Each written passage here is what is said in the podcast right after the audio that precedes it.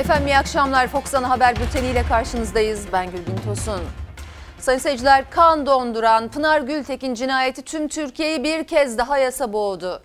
Hepimiz aynı noktadayız. Şiddete, şiddetin her türlüsüne karşıyız ya da Acaba sadece dilimizde bir söylem mi bu? Çünkü dün sosyal medyaya baktık ki bu cinayeti, bu vahşeti bile meşru göstermeye çalışan ya da buna yarayan mesajlar paylaşılıyor. Ve dün yine baktık ki bir katil zanlısının siyasi tercihi konuşuluyor. Hatta inanması zor ama failin medeni durumu konuşuluyor, kurban suçlanıyor. Cinayetin, vahşetin, şiddetin aması olmadığını, olamayacağını öğrenemedik.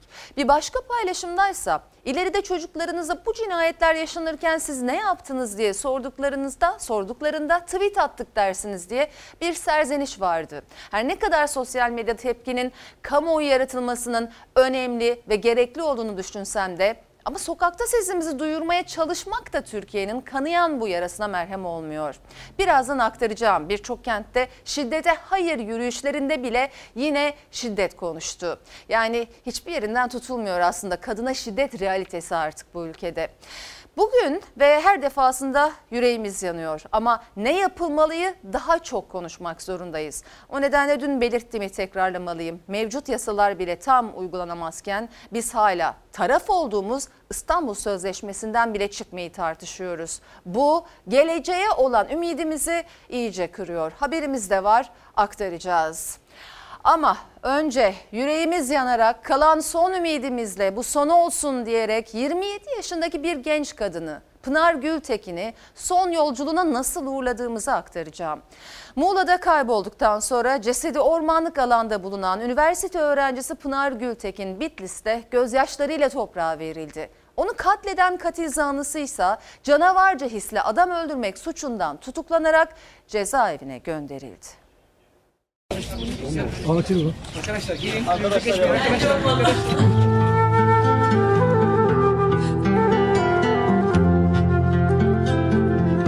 Ya. Neden öldürdün? Nasıl öldürdün? Nasıl öldürdün? Bir şey söyleyecek misiniz? Daha 27 yaşındaydı üniversite öğrencisi Pınar Gültekin. Geleceğe dair hayalleri vardı ama hepsi yarım kaldı. Memleketi Bitlis'te gözyaşlarıyla toprağa verilirken ondan geriye bir süre önce oynadığı tanıtım filminde çekilen bu görüntüleri kaldı. İnanamıyorum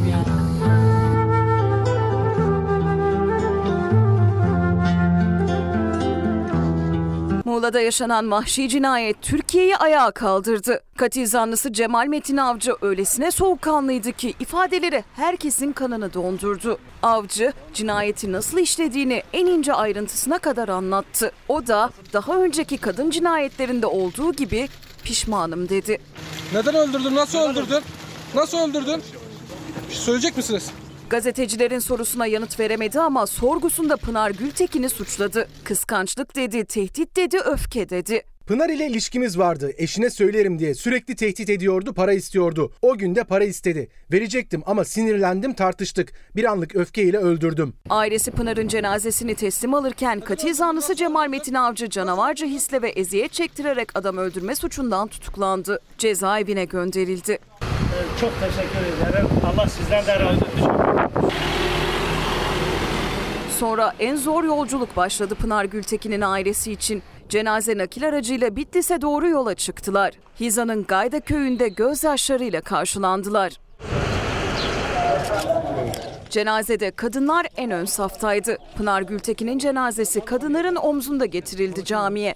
Namazın ardından yine kadınlar omuz verdi cenazeye. Pınar Gültekin Gayda köyünde gözyaşlarıyla toprağa verildi. Pınar Gültekin cinayeti hakkında açıklama yapan Cumhurbaşkanı Erdoğan da davanın bizzat takipçisi olacağını söyledi. Pınar Gültekin'i katleden caninin hak ettiği en ağır cezayı alacağından şüphem yoktur. Davanın bizzat takipçisi olacak. Bir daha asla yaşamak istemediğimiz kadına şiddetin son bulması için Türkiye Cumhuriyeti Devleti olarak ne gerekiyorsa yapacağız.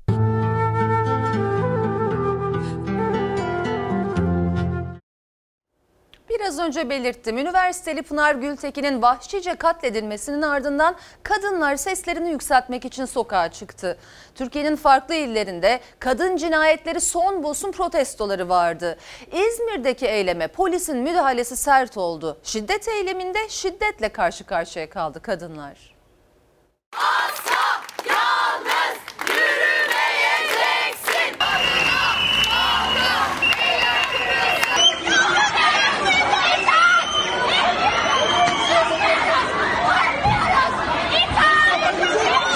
Kadına şiddeti protesto ederken polisin sert müdahalesiyle karşılaştı kadınlar. Ankara'da, İstanbul'da, Edirne'de, Pınar Gültekin'in cinayete kurban gittiği Muğla'da. Kadınlar sokaktaydı. İzmir'deki eyleme ise polis müdahale etti. 15 kadın gözaltına alındı, bazıları yerde sürüklendi. Şiddet protestosundan geriye şiddetin izleri kaldı. 27 yaşında vahşi bir cinayete kurban giden Pınar Gültekin'in adı sokaklarda yankılandı. Kadınlar artık yeter demek için bir aradaydı.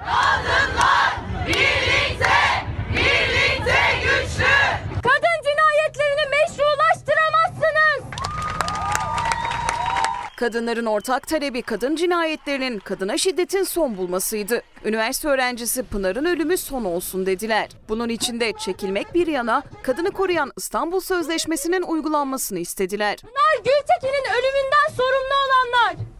İstanbul Sözleşmesi'ne el uzatanlardır. İstanbul Beşiktaş'taki eylemede sanatçılar destek verdi. Onların da talebi aynıydı. sadece İstanbul Sözleşmesi'nin uygulanmasını ve bütün kadınların cinsiyetlerinden, bedenlerinden, zihinlerinden ve ruhlarından artık özgür bırakılmalarını istiyorum. hak verilmez, alınır. Eğer baştakilerin cümlelerini değiştirmezsek biz bu hakkı alamayız. Baştakilerin cümlelerini değiştirmek zorundayız. İzmir'de ise kadınlar Pınar Gültekin'i yürüyüşle anmak istedi. Ancak polis geçit vermedi. 15 kadın gözaltına alındı. Onlardan birini polis çok sert tuttu boynundan. O polisin kadın meslektaşı durumu fark etti. Eylemcinin koluna girdi, gözaltı aracına kendi bindirdi kadın polis.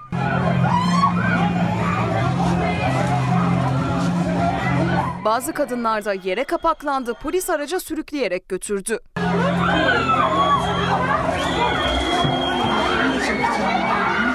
Polisin sert müdahalesine tepki eylemcilerle sınırlı kalmadı. İyi Parti lideri Meral Akşener de ses yükseltti. İçişleri Bakanlığı görevini yürütmüş bir insan olarak söylüyorum. Kurallara uyan kadınlara böyle bir şiddet kullanılmasının kabul edilmesi mümkün olamaz ki.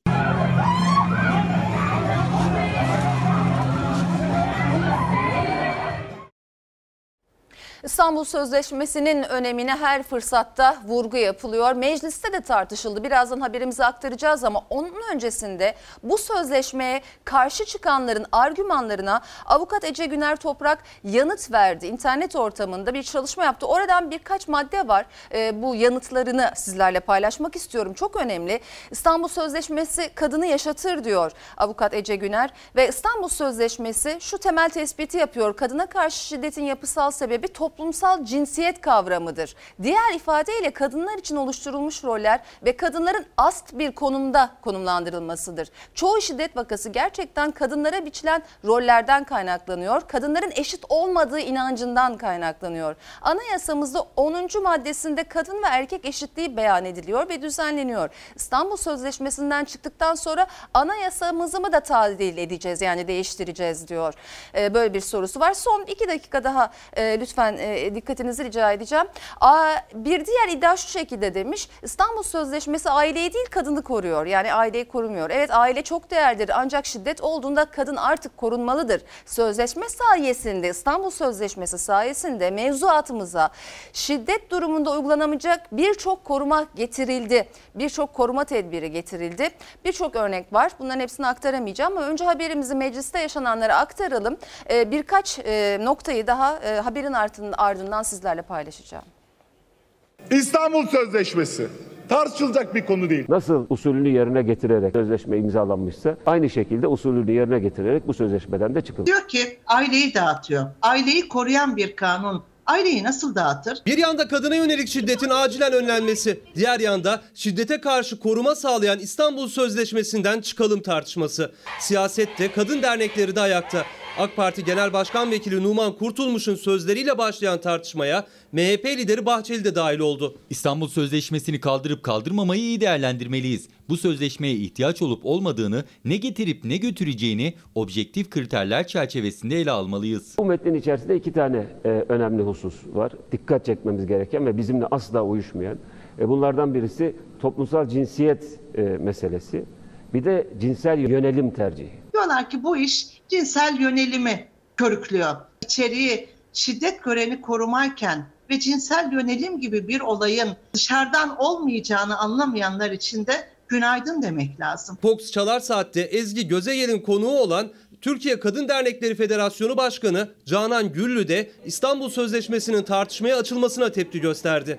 İstanbul Sözleşmesi kadına yönelik şiddet ve aile içi şiddete karşı koruma, önleme, yargılama maddelerini içeriyor. Tam da kadın cinayetlerinin gündemde olduğu bir süreçte AK Parti'den yükselen sözleşmeden çekilelim sözleri tartışmayı daha da alevlendirdi. CHP'li Ali Mahir Başarır'dan iktidara yapılan öneri dikkat çekti. Türk Ceza Kanunu'nun 82. maddesinin F bendi.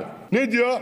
Cinayetin gebe bir kadına işlenmesi halinde diyor. Yine 87. maddedeki yaralama suçu. Gebe kelimesini çıkarttığımız zaman kadın kalıyor. Burada gebe sözcüğünü çıkardığımız zaman kadın. Gerek yok bence. Kadına karşı işlenen cinayetin cezası ağırlaştırılmış müebbet. Çıkartabiliriz. Kanunda yer alan maddede şiddetin gebe kadına işlendiğinde ağırlaştırılmış müebbetle cezalandırılması yer alıyor. Başarır, gebe kelimesini çıkaralım, kanun tüm kadınları kapsasın dedi. Kadına şiddet uygulayan herkes en yüksek ceza alsın. Kanun teklifi de verecek CHP. İnfaz yasasını değiştirelim. Nitelikli cinsel suçlar, kadın cinayetleri, terör, nitelikli uyuşturucu suçlarındaki infaz alınan cezanın tamamı olsun. Yani bir kadını öldüren, bir çocuğa tecavüz eden, bir cani şunu bilsin cezaevine girdiği zaman ölüsü çıkacak. İstanbul Sözleşmesi olmazsa e, Türkiye'de kadına karşı şiddet artar tezi de bir şehir efsanesidir. Kadın cinayetlerini engelleyemezsek hepimiz sosyal maliyeti yüksek bir çığın altında kalırız. Duyarlı olmalıyız, empati yapmalıyız. Suça çanak tutan, suçluyu imal eden her türlü ortam ve bahaneyi ortadan kaldırmalıyız. Sözleşme bir çatı. O çatının altında kim varsa diyor ben devlet olarak korurum. Ve bu nedenle de biz İstanbul Sözleşmesi'ni çok önemli görüyorum. Kadına şiddetle mücadelede uluslararası referans kabul edilen İstanbul Sözleşmesi geçtiğimiz günlerde AK Parti MYK toplantısında da tartışıldı. Cumhurbaşkanının talimatıyla üzerinde çalışma yapıldığı biliniyor. İstanbul Sözleşmesi ilerleyen süreçte de gündemden düşmeyen başlık olacağı benziyor. Sözleşmeye karşı çıkanlara verilen yanıtlara avukat Ece Güner Toprağ'ın verdiği iki yanıtı daha okuyacağımı belirtmiştim. Sözleşme ahlak, din, namus karşıtı hükümler içeriyor iddiasına yanıtı. Bu iddianın somut temeli yok. Kastedilen maddeler şunu söylüyor. Taraf ülkeler töre, din, namus gibi kavramların herhangi bir şiddet eylemine gerekçe olarak kullanılmamasını temin edeceklerdir. Bu düzenlemenin neresi yanlış? Namus adına işlenen cinayeti kabul mü edelim diyor. Son olarak e, sözleşme eşcinselliği özendiriyor iddiası. Sözleşme sadece ve sadece şunu ifade ediyor. Şiddet gören bir kadın varsa o kadının cinsel yönelimi ne olursa olsun o da şiddet uygulanandan, uygulayandan korunacaktır. Özetle o da bir insandır. Onun da yaşam hakkı korunmalıdır diyor sadece sözleşme diye belirtmiş. Şimdi aslında Meclis Genel Kurulu'nda neler yaşandı? Çok sert tartışmalar vardı. Onu şimdi ekranlarınıza getireceğiz. Sadece dün ve bugün Fatma Altın Makas, Hamdiye Şık, Pınar Gültekin kadın katliamına kurban gittiler. Ve Pınar Gültekin trollerinizle aranızda bir parça seviye olsun seviye. Lütfen, lütfen çok rica ediyorum. Çok rica ediyorum. Bu olaylar olurken duymuşsunuz. Bu mesele anlaşılıncaya kadar da burada duracağım tamam mı? Gitmeyeceğim buradan. Mecliste bu kez AK Parti ve HDP'li kadın vekiller karşı karşıya geldi. HDP'nin kadın cinayetleri hatırlatmasına AK Parti cinsel saldırı iddiasıyla HDP'den ihraç edilen Tuma Çelik'i hatırlatınca tansiyon yükseldi. Buralarda haykıranlardan bir taneniz avukatlık yapamadı mı bu kadına? Bir arkadaşımız kürsüde çalı- yapmayın. konuşuyor. Burada trollük Sayın- yapmayın. HDP'li vekil Hüdakaya Muğla'da öldürülen Pınar Gültekin ve diğer vekiller kadın cinayetleriyle başladı söze ama devamını getiremedi. Zerre kadar, zerre kadar insani anlamayı da bilmiyorsunuz, dinlemeyi de bilmiyorsunuz. Siz nasıl insanlarsınız? Hayret bir şey ya. Efendim biz onu yaptık, bunu yaptık, ihraç ettik. Ya biraz mahcubiyet duymanız lazım. Hepiniz çok komiksiniz. Her biriniz troll gibi davranıyorsunuz. AK Partili kadın vekiller cinsel saldırı iddiasıyla HDP'den ihraç edilen Tuma Çelik üzerinden biliyordunuz sustunuz eleştirileriyle yüklendi HDP'li vekile. Bizim içimizde böyle vukuat yok. Hepiniz biliyorsunuz. Artık bu konuda ağzınızı açmayın. Bu gerçek bir iftiradır. Ben grup başkan vekilinle konuşuyorum. Sen ne karışıyorsun? Sen görevli misin orada? Konuşma. Ya bu nasıl bir terbiyesizlik ya? HDP Grup Başkan Vekili Saruhan Oluç da tartışmaya dahil olunca oturuma ara verildi. Sonrasında Oluç, Tuma Çelik olayını 2019'un Ağustos'unda öğrendiklerini ve o tarihte Çelik'in disipline sevk edildiğini anlattı. Cinsel saldırı olayı anlaşıldığı anda da işlem başlattıklarını söyledi. Mekanın cennet olsun Pınar Gültekin diyoruz ve siyaset.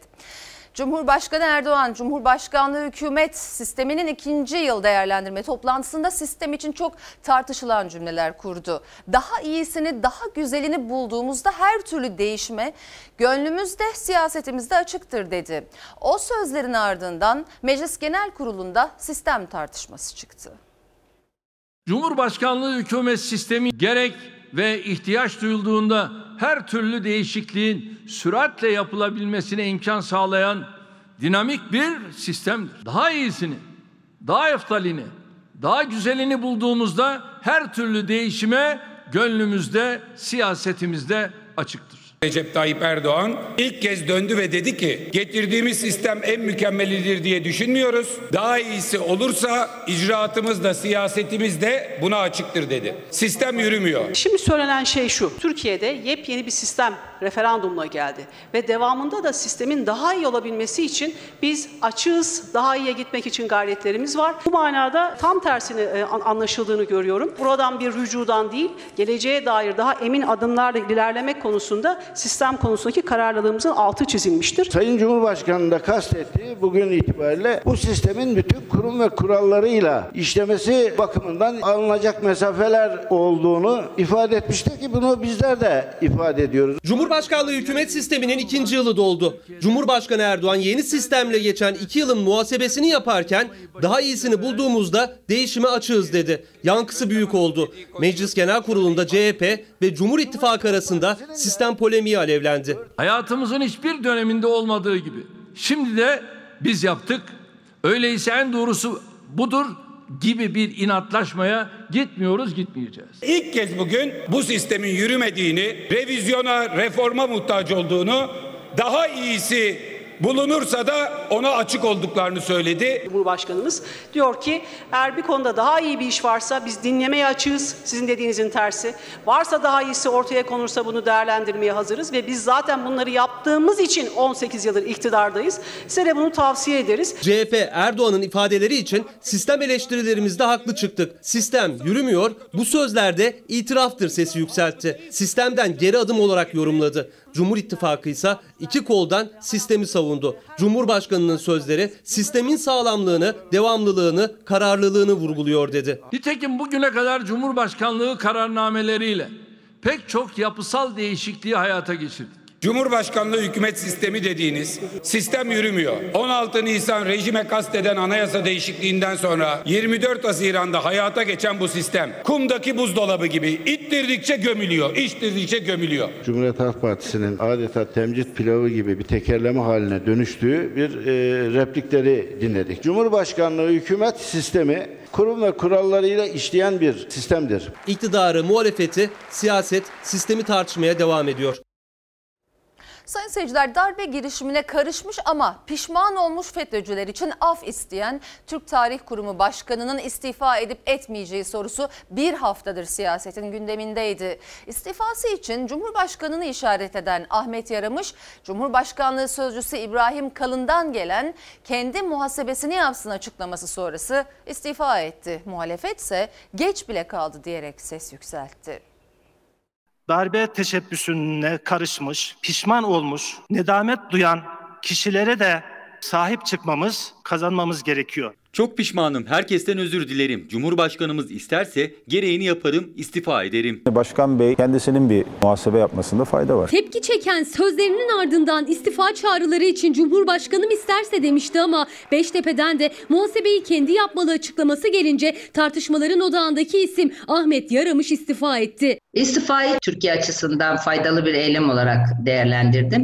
Bu kadar uzamaması gerekiyordu. Biz Atatürk düşmanını Atatürk'ün kurumuna atarken bunu kasten yapıyorsunuz, liyakate bakmıyorsunuz dedik. İşte sizin liyakat kriterinize göre darbecileri affedelim diyen adamı atadınız başınıza nasıl bela oldu? 24 Nisan'da yani 3 ay önce Cumhurbaşkanı'nın imzasıyla atandı Türk Tarih Kurumu Başkanlığı'na Ahmet Yaramış. Atama kararından 4 gün önce makama oturması da Ensar Vakfı yöneticiliği de çok tartışılmıştı. 15 Temmuz'un 4. yıl dönümünde pişman olan FETÖ'cülere sahip Kişilere çıkmalıyız çağrısıyla sahip da çıkmamız, tekrar gündem oldu. bunları Siyasetteki yankısı da büyüktü. Türk Tarih Kurumu'nun başına inadına Atatürk düşmanlarının tarihini araştırmada mahir birisini atadı. Çok hızlı karar verebilenler 15 Temmuz gününde yapılmış bu manidar açıklamaya bir haftadır sustular. Darbe teşebbüsüne karışmış. Bu karışmış kelimesini yok sayıyorum. Boşluk anında yanlış bir cümle kurdum. Herkesten özür diliyorum. Cumhurbaşkanımızın bir kanaati olursa zaten kendisine iletilir. Tepki çeken sözleri sonrası Yaramış kelime hatası onları diyerek kendini savunmuştu. Beştepe'den gelen açıklamalardan iki gün sonra ise istifasını verdi. İyi Parti lideri Akşener de dikkat çeken bir iddiada bulundu. Benim bildiğim bir şey var. Sarayın oluşturduğu yeni bürokrasi anlayışı üzerinden bu arkadaşın bu sözleri kendi inisiyatifiyle söylediğini izin almadan bu netlikte söyleyeyim söyleyebileceğini düşünmüyorum. Muhtemelen bu kişi üzerinden bir test yapılmıştır. Türk Tarih Kurumu Başkanlığı'nın internet sitesinden Yaramış'ın istifasının duyurulduğu dakikalarda 15 Temmuz gazileri kurum başkanlığı önündeydi. Bu zat afyon ve haşhaş kokan sözleri söyleme cesaretini nereden ve kimden almaktadır? Yoksa Türk Tarih Kurumu Başkanı bu karanlık hesaplarla bir yerlere mesaj mı vermektedir? Ahmet Yaramış o koltuğa oturduğu dakikadan beri eleştiriyoruz. Ve o atama liyakat değil sadakata göre yapılmış. Sırf Atatürk'ün kemiklerini sızlatmak için yapılmış. Bitmeyen tepkiler, muhalefetten yükselen geç gelen istifa eleştirileri, iktidar cephesi sessiz. AK Parti ve MHP'nin birlikte hazırladığı sosyal medya teklifi muhalefetin de gündeminde. CHP AK Parti'nin geçmişteki FETÖ izlerini temizlemeye çalıştığını savundu. Saadet Partisi'nden muhalefet susturulmaya çalışılıyor tepkisi gelirken İyi Parti lideri Meral Akşener ise haklarımızı kullanıp direneceğiz, mücadele edeceğiz dedi.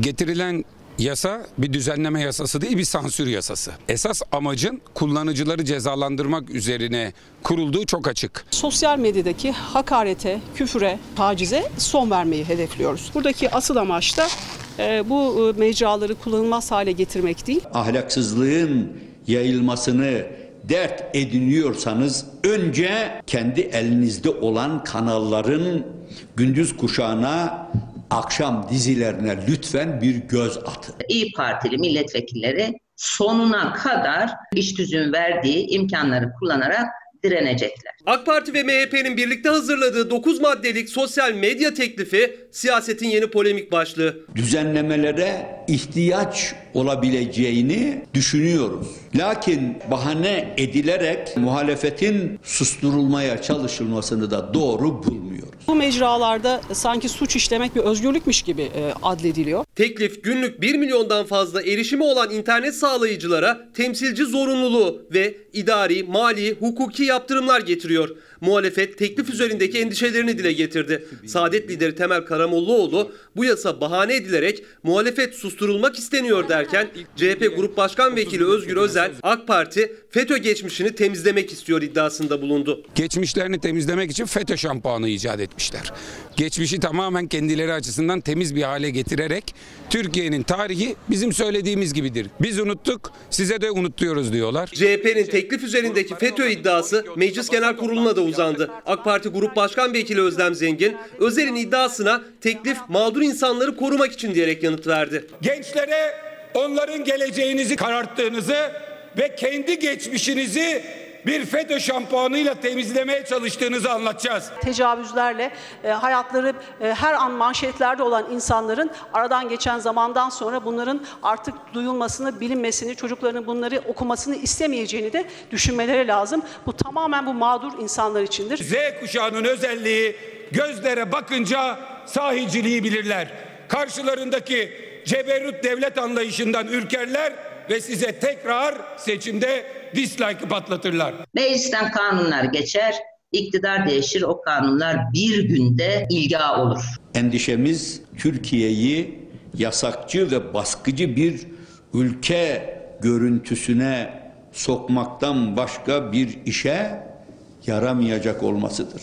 Cumhur İttifakı sosyal medya teklifini bu hafta genel kurula getirmeyi planlıyor. Muhalefet teklif sansür ve yasaklar getiriyor diyerek karşı çıkıyor. Ve aylardır gündemden düşmeyen koronavirüsle ilgili gelişmeleri aktaralım. Virüs can almaya devam ediyor. Son 24 saatte yaşamını yitirenlerin ve yoğun bakımda tedavi görenlerin sayısı arttı. İçişleri Bakanlığı 81 ilde denetimleri sıklaştırdı. Kıymetli İstanbullular, yaşanan salgın nedeniyle sosyal mesafe kuralına dikkat ediyoruz. İçerisi uygun mudur? Sosyal mesafe kuralından dolayı çocuğun oturması lazım. İşte amcanın ayakta olması lazım. Şu an e, fazla, fazla yolcu e, yok normaldir yani. Düşmeyen vaka sayısı salgının henüz kontrol altına alınmadığının en büyük kanıtı. İçişleri Bakanlığı da virüsün en hızlı yayıldığı yerleri toplu taşıma araçlarını 81 ilde gün boyu denetleme kararı aldı. Çünkü Sağlık Bakanlığı'nın açıkladığı son tablo endişeleri artırdı. Koronavirüs nedeniyle yaşamını yitirenlerin sayısında da yoğun bakımdaki hastaların sayısında da artış var. Maskelerimizi de takalım. Bir ehliyetinizi rica edelim. Daha tam alışkanlık haline getiremedik sanırım ya. Toplu taşımalarda sosyal mesafeyi uygulayabilmemiz için maske takmak ve kurallara uymak gerekmektedir. Herkese sağlıklı günler diliyorum. Edirne Kapı noktasındayız. Polis ekipleri şu anda bir minibüsü durdurdu. Şoförün ve yolcuların maske takıp takmadığı, sosyal mesafe kuralına uyup uymadığı denetleniyor. Sıkışık, kalabalık, ayakta yolcuya dikkat ediyorsun. Tamamdır. Hayırlı yolculuklar. Nasıldır? Uygun mudur efendim? Şu an uygun. Fazla yolcumuz yok zaten. Maske? Ee, maske iki tane yolcumuz var ve ikisinde de maskemiz vardır. Şu an bir sıkıntı yok. Kurallara uymayan şoförlere ceza kesildi. Ancak denetimler toplu ulaşımla da sınırlı değildi. Yayalara maske, iş yerlerine de sosyal mesafe denetimi vardı. Maskesiz yakalandınız. Denetimlerin sıkılaştırılmasının sebebi virüsün hızla yayılıyor olması. 24 saatte 18 hasta daha hayatını kaybetti. Günden güne artan yoğun bakımdaki hasta sayısı da 1246'ya ulaştı. Sağlık Bakanı Fahrettin Koca ise bazı illerde zatüre görülen hasta sayısının azaldığını açıkladı. Son 3 gündür 71 ilimizde pneumoneli vaka sayıları azaldı. 21 ilimizde yoğun bakım hastası yok. Van'da ise artan vaka sayıları üzerine kentte hasta ziyaretleri yasaklanmıştı. Van Başkale Devlet Hastanesi'nde 10 sağlık çalışanında virüs tespit edildi. Hastanenin poliklinikleri geçici olarak kapatıldı. Tüm hastane dezenfekte edildikten sonra yeniden hizmete açıldı. Tüm tedbirlere ve uyarılara rağmen yeni vakaların en çok görüldüğü Diyarbakır'da ise istenmeyen görüntüler kaydedilmeye devam ediyor. Kına, nişan ve düğünlerde sosyal mesafe ve maske önlemleri hiçe sayılıyor. Oruç Reis gemisi Yunanistan'ın Meis adası açıklarında araştırma yapmadan önce Antalya açıklarına demirledi. Atina hükümeti gemi daha yola çıkmadan paniğe kapıldı. Yunanistan egemenlik haklarının ihlal ettiğini, ihlal edildiğini öne sürdü. Türkiye ise iddiayı reddetti. Uluslararası hukuk neyi gerektiriyorsa onu yaparız dedi. Biz ne sismik araştırma gemilerimizle ne sondaj gemilerimizle birilerinin iznine tabi değiliz. Oruç Reis gemisinin Meis Adası açıklarında sismik araştırma yapacağı duyuruldu. Küstah çıkışlarına devam eden Yunanistan egemenlik haklarının ihlal edildiğini savundu. Türkiye Atina'ya sert tepki gösterdi. Η επικαιρότητα με υποχρεώνει να ξεκινήσω Türkiye ile Yunanistan arasında Doğu Akdeniz gerilimi yeniden tırmandı. Oruç Reis gemisi Meis Adası'nın güneyinde sismik araştırma çalışması yapmadan önce Antalya açıklarına demirledi. Araştırma gemisinin saha çalışması yapacağı, denizcilere bilgi dağıtmak için kurulan uluslararası uyarı sistemi Navtex'e bildirildi. Oruç Reis araştırma gemisinin Navtex ilanı üzerine Atina yönetimi paniğe kapıldı. Güney Kıbrıs Rum kesimine giden Genelkurmay Başkanı acilen ülkeye geri döndü. Yunanistan Başbakanı Mitsotakis, Almanya Dışişleri Bakanı Maas'ı ağırlarken haddini aştı. Sondaj çalışmalarının devamı halinde Türkiye'nin Avrupa Birliği yaptırımıyla cezalandırılmasını istedi. Almanya Dışişleri Bakanı Maas da küstahlaştı. Türkiye'nin uluslararası hukuka uymasını ve sondaj çalışmalarını durdurmasını istedi. Yunan Dışişleri ise araştırma yapılan bölgenin kısmen kendi kıta sahanlığına girdiğini öne sürdü. Türkiye'nin egemenlik haklarını ihlal ettiğini belirtti. Biz uluslararası deniz hukuku neyi gerektiriyorsa, uluslararası hukuk neyi gerektiriyorsa, Doğu Akdeniz'de evet haklarımız nelerse bu çerçeve içerisinde bugüne kadar bu adımlarımızı attık. Bundan sonra da aynı şekilde bu adımlarımızı atmaya devam edeceğiz. Türk Dışişleri Bakanlığı Sözcüsü Hami Aksoy, Atina'nın iddialarını reddetti. Yunanistan'ın kıta sahanlığı iddiasının uluslararası hukuka aykırı olduğunu duyurdu. Milli Güvenlik Kurulu da Doğu Akdeniz'de uluslararası hukuktan kaynaklanan hakların korunması konusunda kati kararlılığını vurguladı. Altın fiyatları her gün yeni bir rekor kırıyor. Bugün de gram altının fiyatı 412 lirayla tarihi zirvesini gördü. Sene başından bu yana altına yatırım yapan %42 kar etti. 270'e almıştım bundan 2-3 ay önce. Geçen pazar günü aldım. Ne kadar aldın? 1 gramı 400'e aldım. Altın e, şu an itibariyle gram fiyatı 412 TL'den satılmaktadır. Altın rekora doymuyor. 412 lirayla tarihi zirvesini gördü gram altın. Oysa sene başında 290 liraydı. Yükseldi, yükseldi. 7 ayda %42 değerlendi. Şu anda asgari ücretle çalışan hiç kimse altın alamaz. Benim düğünüm var, çeyrek getirdi. Ben şu anda para götüreceğim.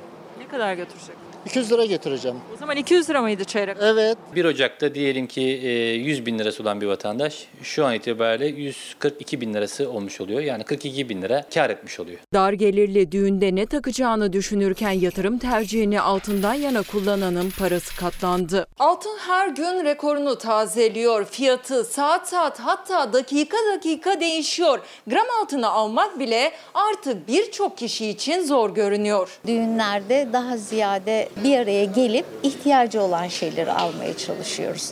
Tek başınıza bir şey yapmak çok zor. Bugün çeyrek altını 680, yarım 1350, Cumhuriyet altında şu an itibariyle 2780 liradan satmaktayız. Her zaman birikimimizi bilezik yapardık veyahut altın yapardık koyardık kıyımıza. Kocamızın, ailemizin bir sıkıntısı olduğu zaman da çıkarır verirdik. En son altı bileziğimi de oğlumun düğününde bozdurmuştum.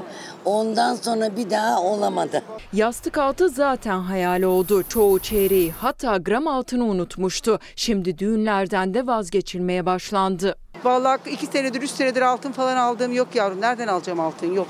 Anca geçiniyoruz. Düğün. Kardeşim ne düğünleri? Düğünde zaten gittiğimiz yok. Nerede alacağız? Millet anca karnımızı doyuruyoruz. Bir mahalle güne iş makinelerinin sesleriyle uyandı. Yıllar önce hazine arazisine inşa ettikleri gece konduların bulunduğu bölgeye hastane yapılacağı gerekçesiyle evler bir bir yıkıldı. İmar barışından yararlanarak para ödeyip aldıkları yapı kayıt belgesi de işe yaramadı. Onlarca aile sokakta kaldı. Yapı kayıt belgem var. Elektriğim var.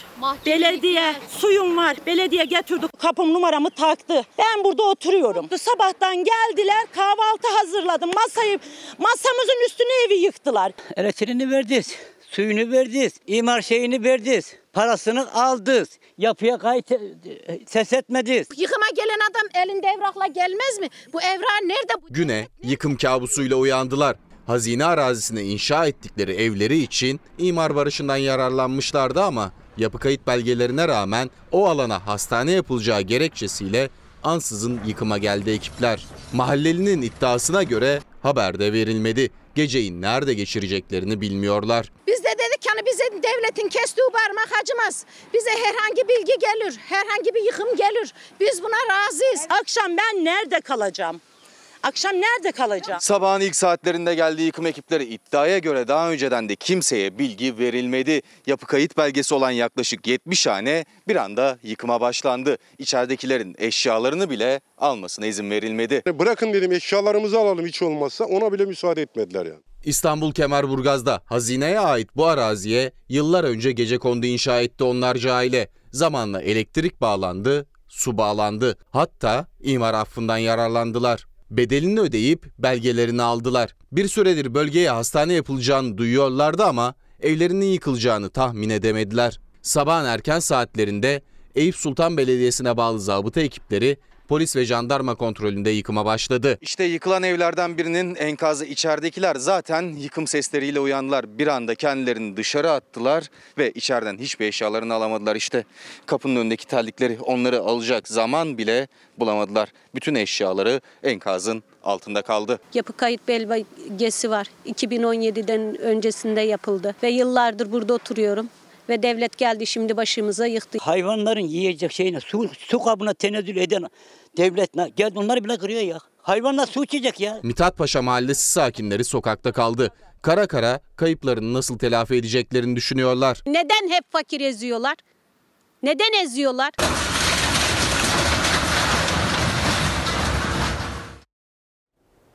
Cumhurbaşkanı Erdoğan Kanal İstanbul projesine doğru adım adım ilerlendiğini açıklarken rant iddialarının da sonu gelmiyor. Kanal güzergahındaki Sazlıbosna köyünde olduğu gibi Şamlar köyünde de 2 milyon metrekarelik bir mera arazisinin ticaret ve konut alanına çevrildiği ortaya çıktı. Kanal İstanbul'un etüt proje çalışmalarını bitirdik. Talipler evet artmaya başladı. İnşallah Kanal İstanbul projemizde tüm dünyaya örnek olacak. Cumhurbaşkanı Erdoğan Kanal İstanbul projesindeki kararlılığının altını bir kez daha çizdi. İstanbul Büyükşehir Belediye Başkanı Ekrem İmamoğlu ise projeye neden karşı çıktığını liderlere anlatmaya devam ediyor. Son olarak İyi Parti Genel Başkanı Meral Akşener'i bilgilendirdi. Akşener de İmamoğlu'na destek verdi. Üzerime ne düşüyorsa yapmaya hazırım dedi. Proje için hazırlıklar tüm hızıyla devam ederken rant iddiaları da sıcaklığını koruyor. cazibe merkezi olacak diye mera alanlarını yine ranta kurban ettiler. Sazlıbosna'da 1 milyon metrekarelik araziden sonra Şamlar'da da 2 milyon metrekare arazi aynı hülle yoluyla ranta kurban edildi. Kanal İstanbul projesinin önünde hiçbir engel durmuyor gördüğümüz gibi. Baraj gölü manzaralı bu yemyeşil arazi Şamlar Köyü sakinlerinin hayvanlarını otlattığı ortak mera alanıydı. Tıpkı Sazlıbosna Köyü'nde olduğu gibi bu mera alanı da imara açıldı. Yani hayvanların otlatıldığı bu arazide otel, konut ve site yapımının da önü açılmış oldu. Ne yapıyorlar? Önce hazineye, hazineden TOKİ'ye, TOKİ imar planı yaparak kime satacakları belli değil. Buralara otel mi yapılacak, rezidanslar mı yapılacak, AVM'ler mi yapılacak belli değil. Rant uğruna birilerine peşkeş çekildi. Projenin çevresini yapılaşmaya açan imar planları onaylandı. Yeni planlarda köylülerin yıllardır tarım ve hayvancılık yaptığı araziler yerini betona bırakıyor. O alanlardan biri de 2 milyon metrekarelik Şamlar Köyü arazisi. Ben doğru karşılamıyorum. Hayvancılık biter, tarım biter.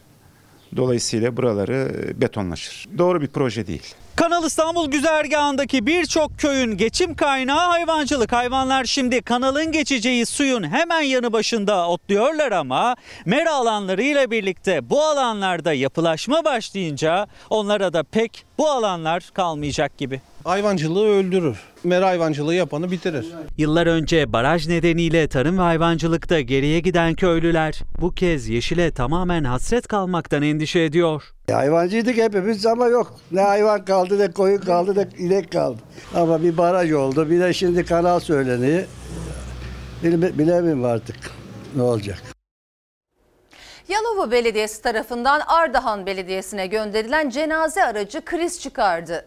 Yalova'nın AK Partili yeni belediye başkanı cenaze aracını geri istedi. Ardahan Belediye Başkanı Faruk Demirse bu araçla sadece CHP'lilerin cenazesi taşınmıyor diyerek tepki gösterdi. Benim Ardahan'da arabam varmış. Bunu geri gönderin. Bu biraz üslup olarak şık değil. Görevden alınan CHP'li belediye başkanı gönderdi, yerine gelen AK Partili belediye başkanı geri istedi. Yalova Belediyesi ile Ardahan Belediyesi arasında cenaze aracı krizi çıktı. AK Partililer de, MHP'liler de, HDP. Allah gecinden versin. Herkesin hizmetinde kullanıyoruz. İkincisi yok. Olsa bugün gönderecektim size. Ardahan Belediyesi talep etti, Yalova Belediyesi geçici olarak cenaze aracı yolladı. İki belediye arasında bir yıl geçerli protokol yapıldı. Yalova Belediye Başkanı CHP'li Vefa Salman görevden uzaklaştırılınca belediye meclis üyesi AK Partili Mustafa Tutuk başkan olarak görevlendirildi. Ardahanlı yurttaşlarımızın cenazeleri ortada kalmasın diye bize geçici görevle bir yıllığına Allah razı olsun bir cenaze arabası tahsis ettiler. Belediye el değiştirince Yalova'nın yeni başkanı daha bir yıl dolmadan cenaze aracını CHP'li Ardahan Belediyesi'nden geri istedi. Gerekçe olarak da görülen lüzum demekle yetindi. Protokol imzalamışız. Ben geldim bu protokol yoktur kimse diyemez. Ardahan Belediye Başkanı Faruk Demir şaşkındı. Elindeki protokolü gösterdi. Cenaze aracını göndermeyeceğini söyledi. Yalova Belediyesi'nden Ardahan Belediye'mize gelen bizim sizde bir cenaze arabamız var. Yalova olarak çok zor durumdayız. Aracımızı geri gönderin. Göndermiyoruz. Ardahan Yalova hattında yaşanan kriz meclis gündemine de taşındı. CHP Mersin Milletvekili Ali Mahir Başarır yazılı soru önergesi verdi. Ardahan'da sadece Cumhuriyet Halk Partileri mi ölüyor? Sadece Cumhuriyet Halk Partileri mi hizmet ediyor araç? Biz ne duruma geldik? Biz ne haldeyiz? Ordu'da düğün sevinci acıya dönüştü. Emekli polisin silahından çıkan kurşun bir davetlinin başına isabet etti. Ağır yaralanan İsmail Aşık kaldırıldığı hastanede yaşamını yitirdi. Emekli polis gözaltına alındı.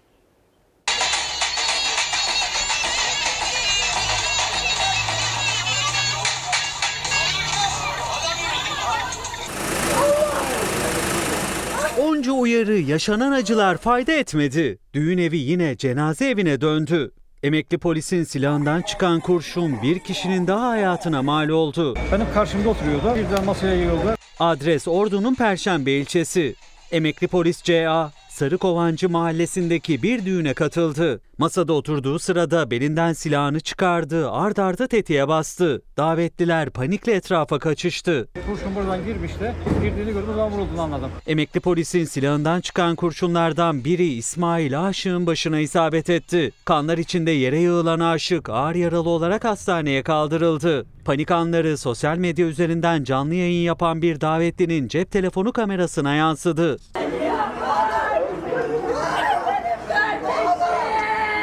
İsmail Aşık tüm müdahalelere rağmen kurtarılamadı. Acı haberi hastane önünde alan yakınları sinir krizi geçirdi.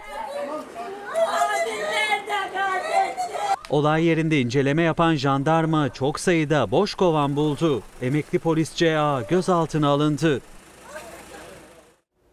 Bir hayırsever İstanbul Kadıköy'deki tarihi ahşap binasını öğretmen yurdu olması için hibe etmişti. Ancak vasiyetine rağmen Türkiye Emekli Öğretmenler Derneği'nin kullandığı o bina yarım asır sonra bir vakfa devredildi. Emekli öğretmenlerin de binayı terk etmeleri istendi. Bize burayı çok görüyorlar ve bize işgalcisiniz diyorlar. Bir öğretmen işgalci olabilir mi? Yani bu üslup bile yanlış. Tepkileri gelen bu tebligata yarım asrı aşkındır öğretmenler bu binadaydı. Türkiye Emekli Öğretmenler Derneği'ne binayı 30 gün içerisinde terk etmeleri için yazı geldi. Yıllardır vakit geçirdikleri bahçede nöbet tutmaya başladılar. İl özel idareleri kapatıldı ve ondan sonra özel idarenin bütün mal mülkleri hazineye aktarıldı. E, hazinenin içinden şimdi siz alıyorsunuz e, Fatma Şadiye Toptan hanımefendinin yerini, öğretmenin dinlenme yerini alıyorsunuz. Sultan Selim Han Kadim Vakfı'nın torbasına atıyorsunuz. İstanbul Kadıköy'deki evini öğretmenlerin yurt olarak kullanması için hibe etmişti hayırsever Fatma Şadiye Toptani. 1952 yılında vasiyeti üzerine tapuya da şerh düşülerek muallimler yurdu olmak kaydıyla il özel idaresine devredildi. Bir süre Milli Eğitim Bakanlığı'na bağlı öğretmen yurdu olarak kullanılan bina yapılan protokolle Türk Türkiye Emekli Öğretmenler Derneği'nin kullanımına açıldı. 1952 yılından bu yana yani tam 68 yıldır mülk sahibinin vasiyeti üzerine öğretmenler tarafından kullanılıyordu bu bina. Ama gelen bir tebligatla öğretmenler bu binada işgalci olduklarını öğrendiler. Bina bir vakfa devredildi. Öğretmenler o gün bugündür binanın bahçesinde nöbet tutuyor. Haziran ayında gelen tebligatla binayı boşaltmaları istendi emekli öğretmenlerin. Binanın Sultan Selim Han Kadim Vakfı'na ait olduğu yazılıydı o tebligatta. Vakfa dair herhangi bir bilgiye ulaşamayan dernek şimdilik yürütmeyi durdurma kararı aldırdı. Diken üstünde davanın sonucunu bekliyorlar. Seslerini duyurabilmek içinse ahşap binanın bahçesinde nöbetteler. Böyle bu tür yerleri e, birilerine peşkeş çekip oraları betonlamaya uğraşıyorlar. Biz de ona karşıyız. Artık İstanbul'a yeter bu kadar beton. Dolayısıyla burayı da kimseye verme niyetinde değiliz. Sonuna kadar savunacağız burayı. Şimdi ara zaman. Yeniden merhaba. Bugüne ait koronavirüs tablosu açıklandı. Arkamda görüyorsunuz hemen paylaşalım. Bugünkü test sayısı 43.404. Vaka sayımız 902. Düne göre düşüş var. Vefat sayısı 19. Bugün iyileşen hasta sayımız 1203. Düne göre yükseliş var efendim. Hemen Fahrettin Koca'nın mesajını paylaşalım. Yakın günlerde ilk kez iyileşen hasta sayımız vaka sayımızdan 300 fazla. Yeni vaka sayısı 44 gün sonra 900 sınırında pek çok kentimizde maske yaygınlaştı. Hayat umut verici bir düzene giriyor. Vaka sayılarında ağırlığı olan illerden de özet bekliyoruz diyor. Böylelikle Fox Ana Haber Bülteni'ni noktalıyoruz. Fox'ta yayın Sen Çal Kapımı'nın yeni bölümüyle devam edecek. İyi bir akşam geçirmenizi diliyoruz. Hoşçakalın. Fincan feda bir tek dostuma Her köşesi cennetin ezilir yerler için Bir başkadır benim memleketim